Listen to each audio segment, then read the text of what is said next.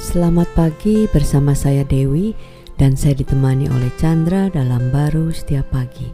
1 Petrus 4 ayat 8 Tetapi yang terutama kasihilah sungguh-sungguh seorang akan yang lain sebab kasih menutupi banyak sekali dosa. Wah, ayat ini kalau kita hanya melihat sekilas saja tuh seperti satu tuntutan ya dikatakan kita harus mengasihi sungguh-sungguh seberapa sih yang namanya sungguh ya kan? Uh, eh, 100% itu sungguh-sungguh atau 50% itu belum sungguh-sungguh gitu kan? Jadi kan uh, menjadi satu beban ya mengasihi aja menjadi satu beban gitu loh. Terus yang kedua juga di, dikatakan di situ menutupi banyak sekali dosa. Sepertinya tuh kita kan uh, menutupi kesalahan orang yang mana nggak seperti itu harusnya ya Nah, kalau enggak tuh jadi seperti apa nih ayat ini?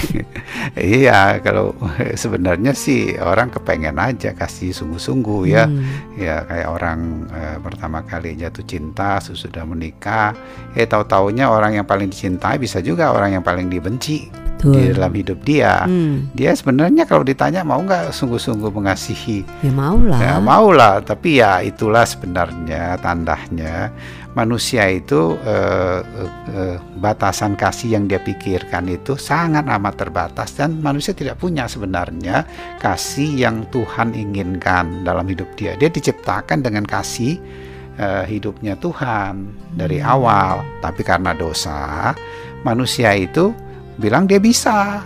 Dia nggak bisa. Akhirnya dia jatuh di dalam hidup dosa dengan kema konsekuensi kematian itu.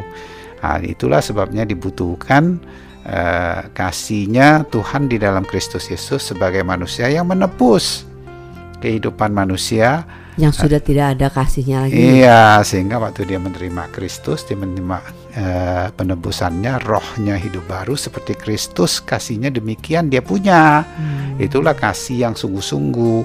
Dan penyadaran seperti ini dia bisa mudah untuk uh, mengasihi seseorang jauh lebih besar daripada kesalahannya itu sehingga hmm. kalau kesalahannya sebesar-besar pun kasihnya jauh lebih besar ya dia nggak hmm. terbawa dong yes. uh, dengan kesalahan itu sehingga dia menjadi uh, melampiaskan dengan hukuman tapi hmm. dengan penyadaran bahwa dia pun memiliki kasih yang sungguh-sungguh iya, sehingga dia dilepaskan oleh kasih itu dia ingin melepaskan dong kasih itu kepada seseorang yang sedang mengalami permasalahan itu dengan dosanya ya yeah. sehingga kita tidak terbawa melihat kesalahan atau dosa yang dilakukan orang itu dan akhirnya menuduh dan menghakimi ya iya dengan cara seperti itu umum ya, hmm. ya manusia tidak sanggup ya sehingga yes. dia berpikir dia bisa berubah dengan cara penghukuman itu ya hmm. sebagian mungkin ya ada hal-hal yang bisa tapi sebenarnya diri manusia itu semakin dia coba usahakan dari kekuatan dia ya semakin lagi dia jatuh mungkin kelihatan sebentar aja.